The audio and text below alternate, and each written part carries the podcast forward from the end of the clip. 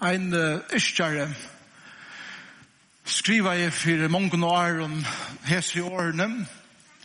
Han sier så leis, ein fukler som eina for, eina for hever bråte ein vong, kjemur ånka de atter at sveima oppe i hattunum La meg endre tega det her til det sutt at leien er her ivre. Tykken godt hava egen er her. Og det er alt mulig som forstyrrer noen om, men la dere fokusere på eh, båtskapen i morgen. En fuklor som eina for hever brått i en vong, kommer omkant og i atter at sveima oppe og i hatten. Og det som ikke er rundt jeg sier vi tog vær vi ørnåren er at ta ui to erst eina fer ui løyvenon så kjem det ångan du er verla velja brukeligur atter. Etla ui andalega løyven om du einaferst er fattlen så kjem du ångan du av samme hatt er vera brukeligur fyrir gode atter. Atter.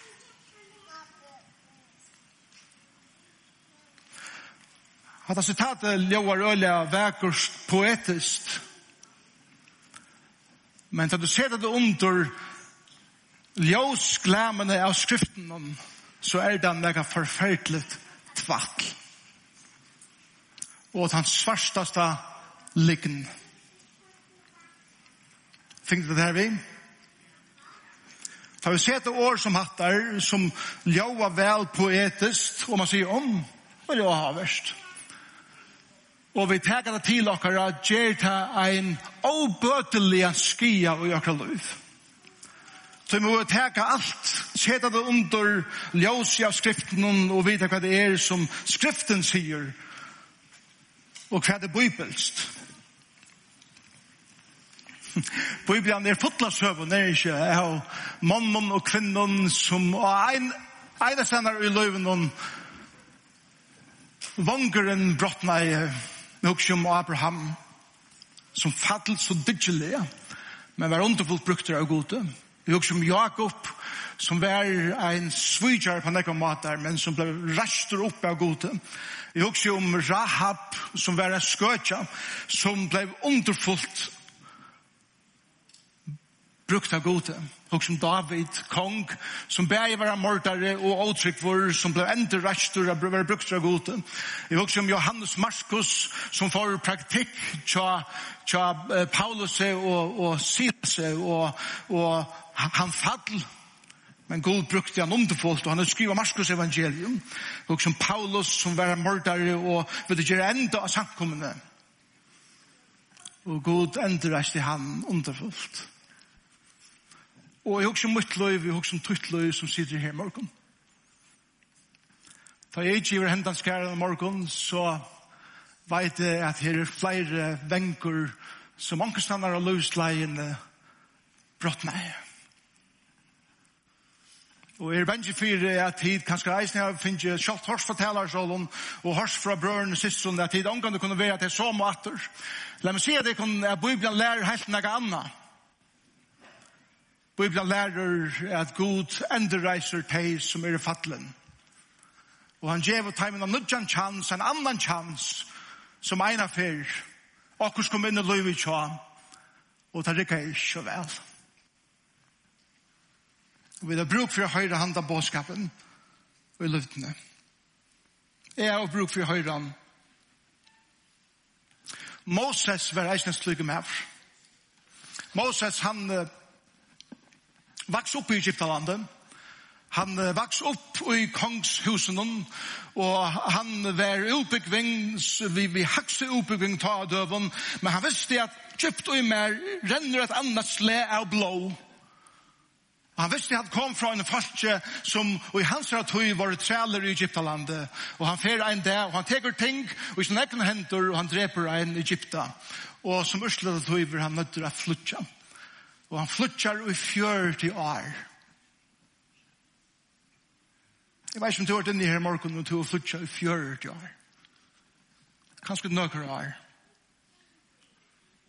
Og kom inn og i livet noen og du helt at du nå måtte flytja og ikke være, og bru, være, ikke, være ikke brukelig eller brukeliger mer. Moses er dømme om at Gud er en Gud som gjever en annan chans i livet nå. Og bådskapen i morgen, urskriften er at god gjevet her og mer en annan chans i løyven. Da vi akkurat kom inn og det hever ikke etnast så vel. La oss slå opp på tre kapittel i Ære og Mosebok. Tre kapittel i Ære Mosebok. Mosebok. Moses, han har vært 40 år ut i øyemørsene, og han har haft et starv til sørste 40 år. Og det er at han har gint ut i øyemørsene ved en stav. Og hans stavren har vært hans hira staver, og han har arbeidt som hira, tidser av seie. Er det ikke, er det ikke av verset seg selv om? At hega seg av seie, tog eina for settene i løven, Moses, skal to blå en hira, for en annan seie. mot folk. Så leser vi et Eh, vi skal fære i kjøkken 3 og 4 kapittel, men vi skal ikke lese at versene til at det tekes lunge, men vi skal pilka noen vers på sjus. Vers 1 sier Moses, røkta i noe småfeie tja verfersen Jetro, presten, presten i Midian. Etter helt til sore og i, i øyemørsene, eh, eh, og halvvartene her, mittelen Israel og Egyptaland. land sina i halvøytene. Einar for reka småfei iver til øyemørsna og kom til fjallgods som heiter Horeb. Ta oppenbæra i angel herran seg fyrir honom og i loan de elte mitt ur enn tørnarunne. Han hukte et og sa at tørnarunnen stod i ljósen loa og tog brendest tørnarunnen ikkje opp. Og så sier Moses, Lad meg for iver hitja, at hese sjån, hvordan det blir til at hørnerne brenner ikke opp. Men ta seg Herren, Herren sa at han får iver her, hitja røpte han til han, Moses, Moses. Forresten, Moses er ikke røkt neka her beint. Hatt er ikke en sånn uh, hallusjon, eller hallusjon som han sa, bare fyrir seg til han, han er tidsi til landa. Hatt var en verlig hending i hans løyve, hver han ut i sin daglige, vanlige gjernestegje møter gode. Og god fer hans herra oppmerksomhet. Jeg stedet at brennande tårnarunder er eit ganske amyndlet, gerande ting og i tunnliv. Brennade tørnarunnar ut i midjan øymørsne og i eh, Middelskiftaland og Israel er et vanligt fenomen og i det eisene. Moses sier flere for seg at det som er eldre enn tørnarunnar og så, så brenner han opp beina ved. Hesen tørnaren bevi at loa. Det var et eller annet vi hesen som var så dagliga som korsene fengt i et eller annet i bujenen. Fengt i et eller annet i egenen. Fengt i et eller annet i hoan og tjanen som, som sier at, ja, men, hette er gjerneslitt, men hette er annerledes. Er det vi? Det kan være akkurat til leser. Det kan være onker til møter. Det kan være onker du prater vi. Det kan være sanker til synker. Det kan være onker til sarst eller onker til hukser. Og Du har hugsat tingene før, du har hittet seg falskene før, hatt ikke det er nødt det, men hese før, knapplega, grøypet hatt det. Det er som om at du ikke vil slippe deg etter. Det er, det er som om at du fastar bok for nevnelse. Det er som om at du fastar en ofri. Det er som om at, at, en person vaknar ut der 4000 du sars hesefer, selv om du sars sier at det så ofta over. Er det vi?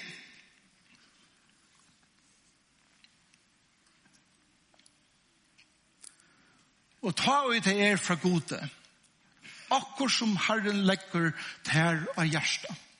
Og i tøynen gjør han steg. Og da samsvarer vi årgods, og da samsvarer vi andagods. Ta er den brennande tørnerønner. Og i tøynen liv.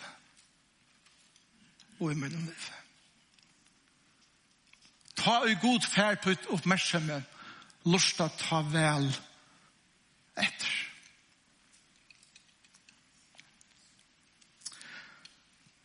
vers 6. Tar tås og saman, og vers 6 sier Herren så eis, jeg har sett neina, til folk som hunden i Egyptaland. Altså jødene, jødene som var i traldomme. Og jeg har hørt hvordan de djeva seg undan heimen i plava til. Ja, jeg vet hva det er løya. Legg meg til at Gud sier her, jeg har sett jeg har hørt. Jeg vet hva det løya. Og så sier han i, i vers 8.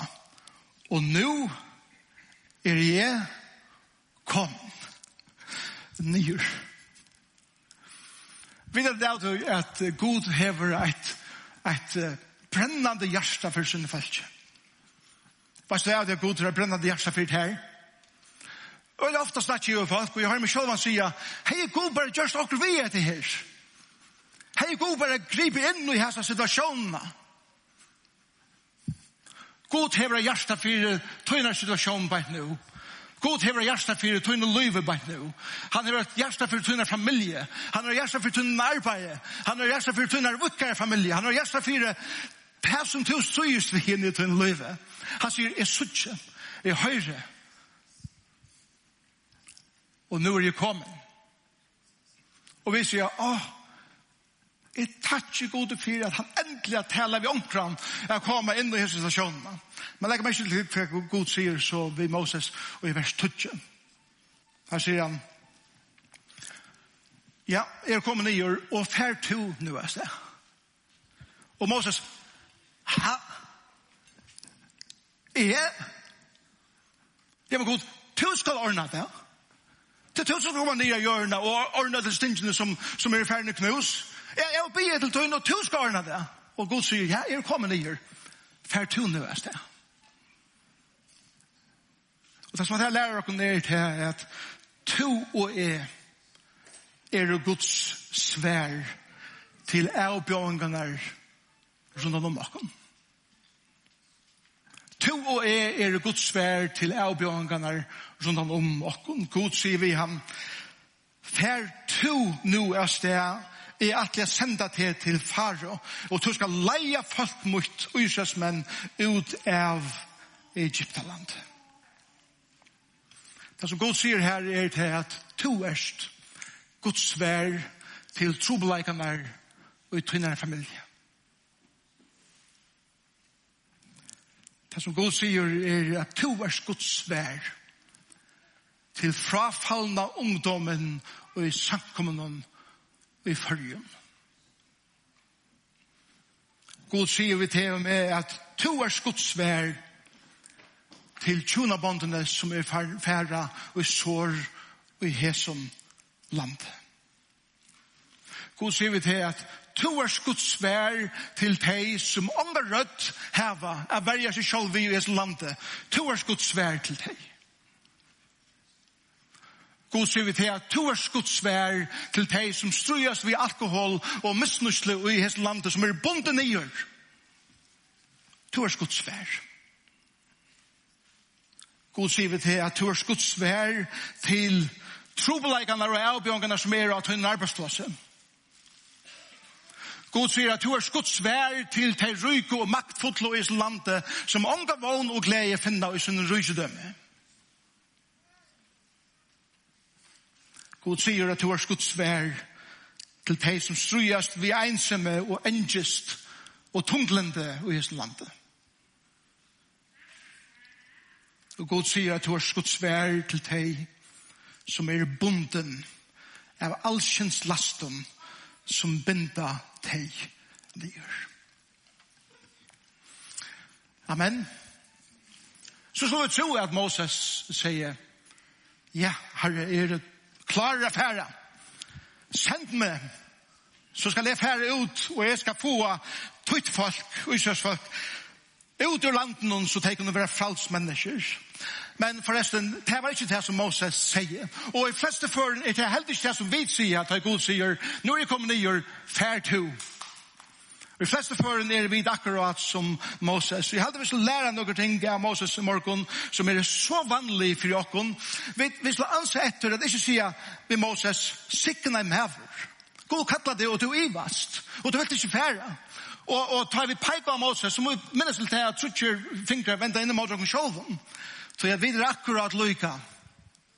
Da jeg god kattler okken til en omøvelige oppgave i akkurat liv. Legg meg til vers 11. Hette første om omkyldninger til Moses. Men Moses sier vi god. Hvor er det at jeg skulle ferde faro, at jeg skulle lagt øysesmenn ut av Egyptalandet? Hvor er jeg? Jeg vet jo ikke. Og det passer og i mån til det oppgavene som Gud gav honom. Det er ikke det at, at, at Moses tar skar helmet med bein og renner et sted. Til meg er det at Gud, det som du blir med gjøre er omøvelig. Jeg kan ikke gjøre det. Og Gud sier jo Moses, jeg vet. Jeg vet at du er sperret du. Og at du ut av sjølven, kanst du ikke gjøre det sjølver. En høvende sier så leis, mitt i middelen til stora som ikke klarer å gjøre, og til lytla som ikke tog meg å gjøre, ligger vanten er at jeg kommer ikke å gjøre. Så med av åkken hittir så leis er at fjallunnen sier at jeg, jeg kan ikke gjøre vi at jeg hadde først størst. Og så gjør vi det smaluten og sier at det er så lydig på seg at tog meg ikke gjøre vi. Og mitt i middelen her ligger vanten er vi gjøre først. Vi gjøre ikke. Og vi sier det passiv som herrens tjenere kattleie er for inn og omøvelige oppgaver. God leitar ikkje etter framurskærande menneskjon. Han leitar etter ganske almindelige menneskjon som lyder av en framurskærande god. Det er det han leitar etter. Hvordan er det tannargar her i morgen? Hvordan er det tannargar kvar, kvar hendene opp? Her er nægget tannargar. La meg si at ikke tannargar er at to og god og fela kunne brøyta dette landet. To og god i fela kunne komme inn i situasjoner og fullkomlig brøyta familier. Brøyta samkommer. Og forresten, hugg som tikkum bæg, god til å bruke tikkene, om du hatt og samme hatt og han kan börja via göra tid som er eldre inne her og hugsa, ja men er det så gammal, er det så gammal, det kan ikke brukas till mer. God teker te, ikke heim, før han er livor at bruka det som sitt ambo. Amen. Og alt vid i middelen her. God leiter etter ganske myndelig folk som okken til å gjøre omøvelig ting til jeg vet trykva av en framurskærende god som kan brøyta ting. Man tror at Moses sier, ok, du har rymmer. Men legg meg ikke så til uh, vers 13. Til nasi omkyldninger, og nasi omkyldninger er sånn, jeg vet ikke hva jeg sier.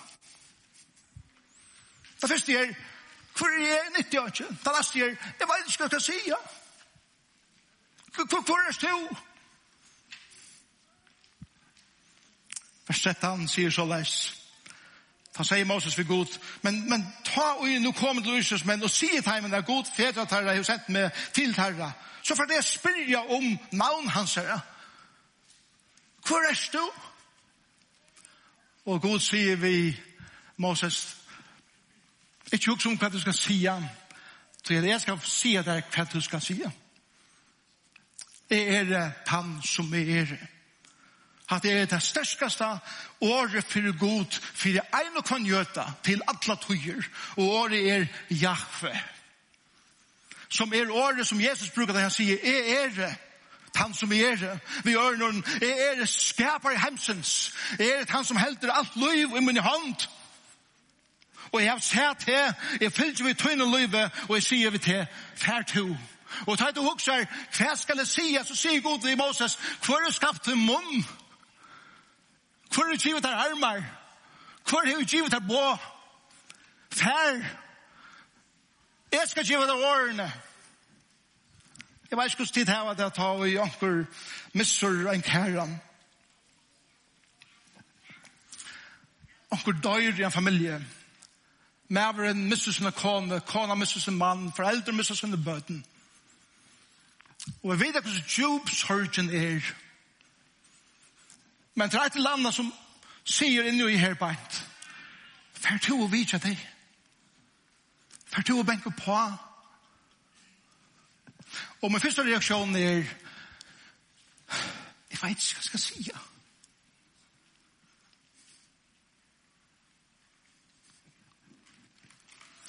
Og ta et og ta seg vi slik folk og tid som sitter her i morgen og til å oppleve hessa vidjaner. Ja Jeg tror sikkert at jeg kunne si ammen til at det var ikke så nekv det som det er søtt som det var til at jeg bare møtte opp. De kom. Det bør ikke si så nekv. Og ta ut det som skal si oss, og i årets situasjonen, så lyder vi da at god gjør meg til rødt årene. Vi så det med en kvinne som bruker tog i hesten årene. Og i hesten årene finner du til årene som god givet her att säga og i omövligen om stöden.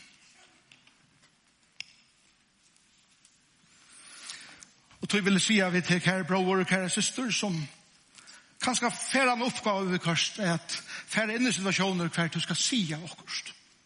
Vi först er det at tørver å och säga okkurst. Moses måtte säga okkurst. Lät her som du sier alltid være grunnt av et år. Kjenn et år.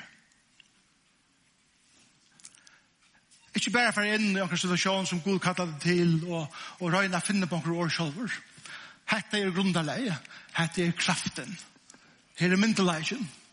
Og tar jeg alle anden djevet der året at sia, så er det de årene som alle anden djevet der alltid i samsvar vi år gods. Ta jeg vil sia ting på Jesu navnet som ikke samsvær vi år gods, må vi tukse om hva vi sia atter. Og la dere år være år som er oppbyggjande år. Og god djever resten av 10 kapitlet eh, Moses lyfter om at jeg skal være vitt der, jeg skal hjelpe deg hva du skal sija, jeg skal sija for at du kommer i samband vidt her rødt og falskene, og jeg skal leie deg inn til fara. Og så halda vid at Moses er klar i affæra. Men så kommer vi til fjorda kapittel, vers 1, som sier så leis, Moses færa, men det færa ikke at tryggva mer. Det færa ikke at lusta etter mer. Det færa sier, Herren er ikke åpenbæra seg fire tær. Og det er den, det er den tre omkyldningren. Det færa ikke lust etter mer. Sjalt om du kommer og sier, så, så vira deg mye ikke. Det er ikke, det er ikke, det er ikke, det er ikke, det er ikke, det er ikke, Og Gud sier, la meg eisen tega meg av tøy. Ikke tega alt uten egen hender. La meg tega meg av tøy at folk færa, at lusta. Ein av mest frugjerande, eller ein av mest frugjerande tingju i løyven, kursi fyrir mann som er, er til at jeg er ikke avhengig av om tid lusta etter mer, eller ikke, ta jeg er livet av det. Jeg skal ikke samføre til om noe som helst i det. Jeg er en båbære som kommer og har åpne skriftene, jeg har lyset fra Herren, lærer meg å gjøre skriftene, og jeg ber det til om, og jeg tykker ved at har jeg sier ammen i det, så får hele andre en gang det samføre. Anker det her i morgen, og det er alltid et av mest frigjørende i min løve, da jeg kommer hjem i det, at jeg behøver ikke åttes fire, om tid lort etter mer, eller ikke. Min tæna så her er ikke grunn da om til etter mer, eller ikke. Jeg tæna i herran til det veit at han gjer nega vi sitt år ta et hever prædika. Og han skal gjer akkurst vi te. Og i tøynen, og forresten eisne i munnen. Gjersta. Og fyrir er at akkur som at, at uh, vysa Moses i te. Så sier han i Moses, hva er det som tever sin hånd? Og Moses hei staven i sin hånd. Og Og god sier vi han. Blek han fra deg. Han blek han fra seg. Han ble en ormer, og han flyttet fra han, men god sier vi han tek han opp etter. Og han tek han opp etter. Hva er det at staveren i Moses er hånd, er eisen staver som to hever tynn i hånd. Det er tynn profesjon. Moses var en hyre. Her er folk som arbeider i allmanne sektoren. Her er folk som arbeider i helsevisjonen. Her er folk som er handverskare.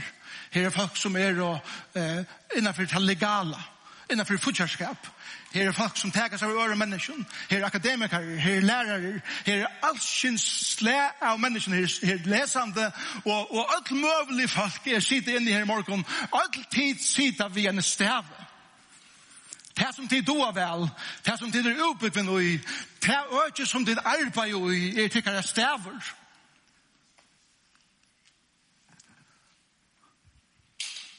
Og ta og vi kommer just om skillningen og sier at ungen hever viring firmer om min arbeidsplass eller i munnen sektor eller i munnen øtje.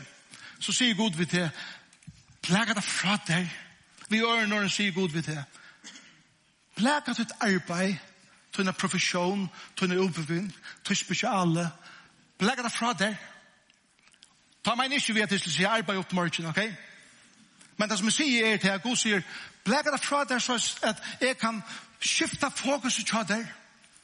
Og du teker det opp etter. Og nå er det samme staver.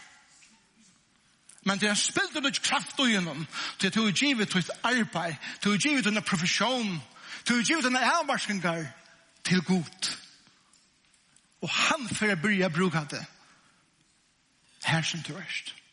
Sørst du, det vi her som stævn når Moses for inn i Egyptaland. Det vi har som stævn når han ratte, han iver nilånda og plaven er byrja. Det var vi her som han, han smekker nye rei her og her vi oppnæst. Det vi her som stævn at Moses lette uisjøsfolk, ikke bare ut ur Egyptalandet, men heim. Her som. Og god sier, jeg har skapt det. Og vi sier, men jeg har, så, jeg har sånne greier avmerkninger løyven til så nek ting som ikke, som ikke doer. Og til den fjore omkyldningen som Moses, han sier i vers 12, i, vers, i kapittel 4, Men Moses sier, høyr meg, Herre, jeg har aldri vært år kring meg over. Vi er det ikke over, og jeg er det heller ikke nå. Tanken er det, åh, jeg er ikke pener nok. Jeg er ikke klæner nok. Jeg er ikke stersker nok. Jeg er ikke ubevig nok. Jeg er ikke, jeg er ikke erfaringer nok. Og Gud sier, jeg vet. Men det er viktig. Jeg har noen mitt munn, og jeg ser den fri igjen. Jeg har noen mitt under fingre og ser den fri igjen. Jeg har noen mitt sinne, og ser den frukt. Jeg har noen mitt akkurat det steget uten løyve hver, det bilar aller mest, og jeg har løst det. Det betyr ikke grøying alltid, men det betyr at her som er mulig er det mest avmarskaver, løyser Herren. Glem mange av søvnene om, uh, om George. George var en maver som var uh, hei nekka strujas for i løyvene. Og han er åpna en goma. Og han er for seg han så leis, og han er utdrafstø. Han sier, Jeg klarer ikke å hyre navnet Jesus. Men jeg får unga du at djeva jeg takk om han. Amen. Jeg klarer ikke at uttale navnet Jesus, men jeg får ånka det djevast jeg takk om han. Og han gav seg vittnesbord av hans jordastøyene. Og telefonlinjen er krasja. Så nek ringte inn at takkes mannen fyre, at sjokt man var var avmarskar, så var han ikke bensje fyre, at djeva synar veikleikar og det som er løyt i hans løyve og i herrens hender. Det var hans staver, og han var fotler i humor. Han hadde vel flenne seg sjolven. Han er foran til Kanada, og det var de tøyene han tog videofilmer vi, og man er ikke løyve er smuklet, å tega ting fra Kanada, eller fra USA, inn i Kanada. Og han er fullt av videofilmer, og flere andre var vi i noen kristne videofilmer. Og så kom det til Tottlerne, og, og, og tar øyne Stranger i Kanada, og, og, og flere miste videofilmer, men han kommer opp til denne her Tottlerne som sender her, og Tottlerne sier igjen, hva, hva hever du haskene? Og videofilmer. Ok, vis meg der. Og, og, og tel der. Så sier han, han er fullt i humor. Så tel han takk sånn, Oit. Oit. tvei, tvei, Han kommer på seg til nok skjørt. Og så sier tattleren, han sikkert han vil, jeg kan skje sin sjå deg av. Og så sier han, nå, nu miste jeg tale. Og jeg blir jommater. Og tattleren sier at, fær bra stav i jeg sånn. Og han kommer inn i Kanada, Vettlund, som han hever. Du heldur at din stavur skal være perfektur.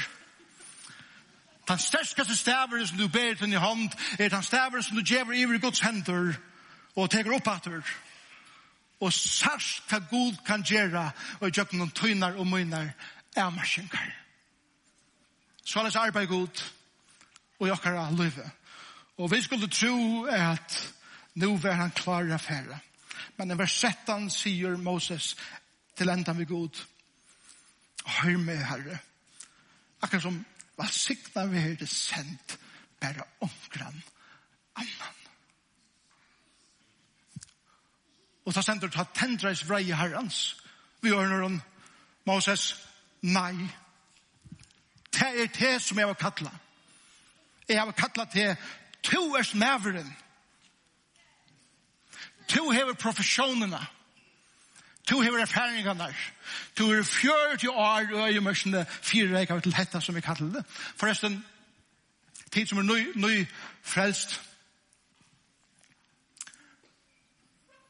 Det er godt jeg bruker tøy i øyemørsene åren vi teka for nek var okkur. Jeg bonast. Så herren kan fyra i okkur. Og det gjør det med Moses. Tid hava veldig arbeid vi tekkar stave. Vi har galt i at året av vera kattlaver kommer fra latinske åren vokari. Vokari er til latinske året for det engelske året vocation. Og vi spyrir ofta folk, what is, what is your vocation? Vi gjør når hva er det arbeid, hva er det starv? Men vokari og latine opprunnet betyr er vera kattlaver. Er vera kattlaver. Og Luther har en fantastisk balans i middelen arbeid og, og tjeneste. Hva Luther sier er at den største feileren som sankummer og tryggvande gjerra er til at man heldur at min tænasa er innafyrir til som er sankummer vekkjer og min vokari eller vokasjon eller arbeidstarv er til som er åttafyrir sankummer vekkjer Karl Luther sier, ja men her som vi færa som er sankummer ut og i sektorene i jøkere samfunnet er her som vi kommer vi samkommende. Og tar vi ta så om akkurat vokasjon, eller arbeid og starv som er kattel, så er det bare arbeid og tjene som familie som Bibelen tar seg om. Og Luther sier så leis, han sier akkurat vokasjon, eller arbeid eller kattel, er ikke så nekva starv som det er tilbyen. Vi gjør det samme mann morgen til arbeid som vi gjør sunnedag og i samkommende. Vi tilbe. Og måtte de sæt ekkert starv. Her som til dere. Som det steg som Herren sier, her sendte jeg til. Måtte du se at denne familie som steg hva Herren sier, sier vi til. Her sendte jeg til. Og la meg enda. Vi fyra tingene fyra sannleikon som vi innskje at jeg tenker på sjørusen teksten. Ta fest i hesen.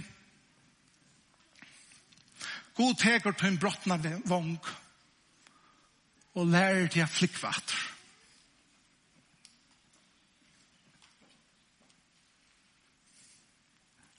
Jeg tok meg fra seg at omskriva iskikkina av lydsynder. Jeg vil skriva henne så leis. Ein fugler som eina for breit, ein vong. Kjemur vi Guds nøye, er sveima og i hattenum atur.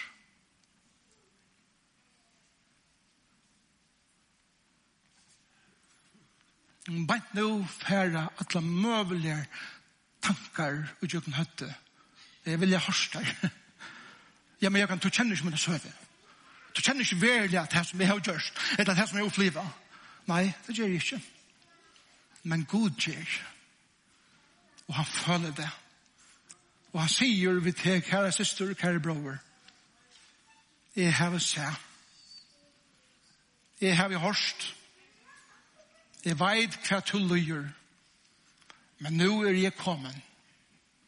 Fær to til verska. Jeg gjør mitt arbeid hva gjør?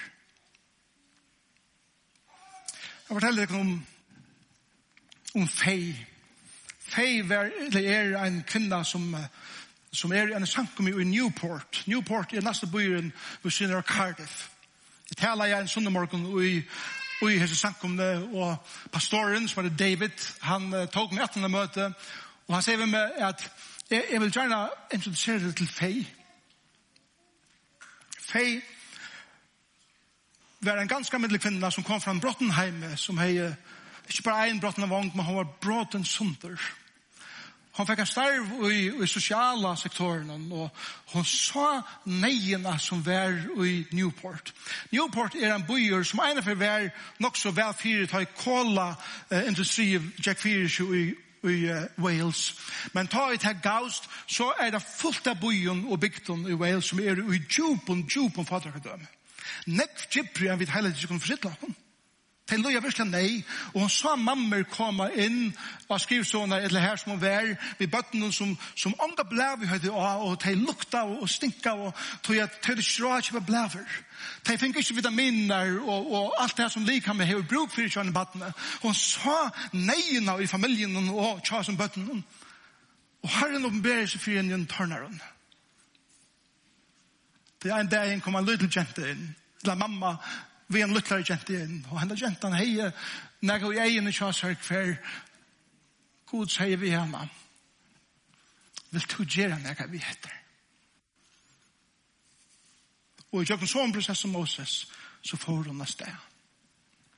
Og så sier pastor David ved meg, jeg kan, kom, vi får inn i pakkhus. Og han tog med den her pakkhus og at det var størst pakkes, fullt av vør, parser av samkommende. Og han sier, her fei, og han sier vi fei, fortell jeg om henne søve. Og han, han sier at, at jeg ber, ber til herren og sier, herre, hva, hva, hva skal jeg gjøre vi er her? Vigen etter, kommer andre i samkommet som sier, vi har bruk for å gjøre okkurs middel til fatøk. Er det ikke sett det kommer andre sier, i halde jeg vidt, herren sier vi meg at vi har bruk for ikke middel til fatak. Så ringer et av største bleve firma i England til deg, og en til sier, jeg vet ikke, men eh, på enkla måte så finnes det telefonnummer til, vi har så gjerne ikke bleve som leber av, som blir for gamle. Vi vil ha feien djeva til dem der. Så blir handlare inte och säga, vi har fullt av badna med det som dati er vi kan gå ut, og vi vil skrøtt ikke vite, vi vil ha feien djeva det, vent da. Klattene handler bryr ikke og sier, vi har fullt av klæven som annars færer vekk. Vi er til heva det. Og hon bryr samla, og de bryr djeva. Og det er djeva de Det er det visste man kunde packa det det pakket det. Det er store brune papurpåsander fotler i vøre. Og de, og der gjør de 2000 sånne eh, påser om vikene til det fadet og Newport. En dag så ringer en annen til henne og sier, Hva sier du at buddhister og hinduister og ærer er, er, estoniske religioner færa kvann sunne det settende parst ut av et avvist sted utanfor byen til en marsk eller en sånn vøtler og her tilbyr det Buddha og og og og for goda det så er som det tilbyr. Men det taka rysby at offra til hesa godanar og det som det ikkje kunne gjera er at taka rysby at til visserheim til ligger bare her. Og fei sier, lat okkom færre ut og spyrja buddhistene og, og, og, og, og de som tilbyr eh, tar pergodene. Kunne vi få til hva hver rys? Og de sier, sjåan kanskje det at det er for vekk allikevel. Og de samla alt ryset sammen opp i setje, at man setje av ryset. Og ryset blir en, pak, en parser av pakkanen til det djevla. Og forresten, De bøttene tja buddhistene, til buddhistene tja gong rå, kjeba ruis, til de offra alt til godene tja seg, tarra bøtten, genge svengeisene. Og sank man kan foratter og djeva til mætene etta, som det er bruk for. Hatta kan herren gjera og i djøkkenen tutt løyv, til han er sloppen at gjera nægge vi trym vong, for jeg lytta til oppe hatten der. Atter. Det neste er etter, vi ivast om vi doa flickva og nutjen til herren byr okon. Og det er helt naturligt. Ofta hendar så er at vi leipa av sted, mengan, og har vi deres hend, god byr okon gjerra okon, men vi tek egna hendur, og så leipa vi av sted. Det gjør det Moses, og han drepa en Egypta. Så igjen det som hender er til at vi djevast, at det ikke etnas første fer, og vi djev opp, Og Moses enda i fjörd i høy mørsene, men som var fyra kjengar tøy, og ta i som var sendt og kattla av nutjom, så halda vi dator til vi er sard og avur, men god sier, fær, fær. Det tria er etter, og i uh, vers 12 kapittel 3 sier god vi Moses, fær to nu, jeg skal vise til at jeg er vitter, Ta i vid för att hittas att vi fjallet här. Horeps fjall. Vi vet att ett annat namn för Horeps fjall är Sinai fjall. Moses fer har varit anki hva for hendt i framtiden. Men ein dag kommer at vi i Ursus. Og de kommer til Sinai fjall. Og her åpenberer Gud seg og nudgen fyrir heimen. Mengan suttja vi ikke god til vi og kun fyrir vi hitja i bækspeklet. Og sier, åh, god vær vi atlan vegen. Og la oss enda vi hesen og enda vi luttar i søve. Og til dette er at brennande tårnarundar er pastor av okkara gjerande steg. Men spurningen er sarstu der. Jeg leser om en telegrafist som ber om arbeid under krynen under øren hensberg det. Og hesen, og hesen uh, før var det morsing, til morsa signal. Og han kommer inn og at det store arbeidsplasser, her er øyelig larmer og øyelig nek folk. Og han kommer inn i at det er øyelig som, som flere sider som skulle bli med arbeid. Og han ser det snir her og boja. Og tar få av vite, ikke kom inn i kontoret igjen for en stjåren robadekken. Og han sitter her og boja. Knapplega så reiser han seg opp Og han gonger for å bo i alle hinne som sitter boia, og for bant inn av kontoret, så kjører han. Og hinne hittar kapitler han ser inn. Jeg færre inn, utan å være byen, jeg kom inn, bare færre inn av kontoret, så kjører han nå, og at han får seg arbeid. Så gonger han løta, så kommer stjåren og hans mæren uthatter, og stjåren sier, eh, tid, takk for det kom, men hessen mæren hun finner arbeid. Og hinne blir rasant. Ja, men altså, han, han tråkker jo ikke ned, vi har boia langkur, Og han får bare inn, og stjåren sier, med en tid så du boi av så at en av mine arbeidsfolken og morsa i. Og gjør til larmen. Og morsen ikke vær, om du hører henne båtskapen, fær så inn til stjåren og arbeidet i tøyt. Er det vi? Vi lever i en samfunn i hver til øle larmer om oss. Rødder skrutja alle sender. høyra vidt Guds rødt. Høyra vi Guds rødt i øtlen larmen. Og reis okken opp.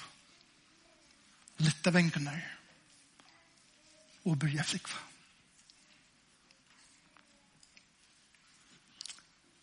Kære bror og syster som sitter her i morgen og du hever en brottna vang.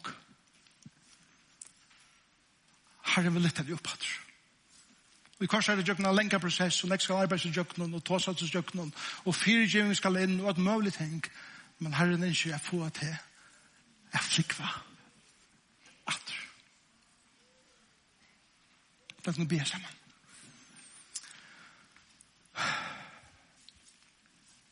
Herre, jeg ber om et. To bare nå nemmer vi venkene av Og du bare nå leter høyre tøyne rød, tøyne tørneren, og Jesu navn.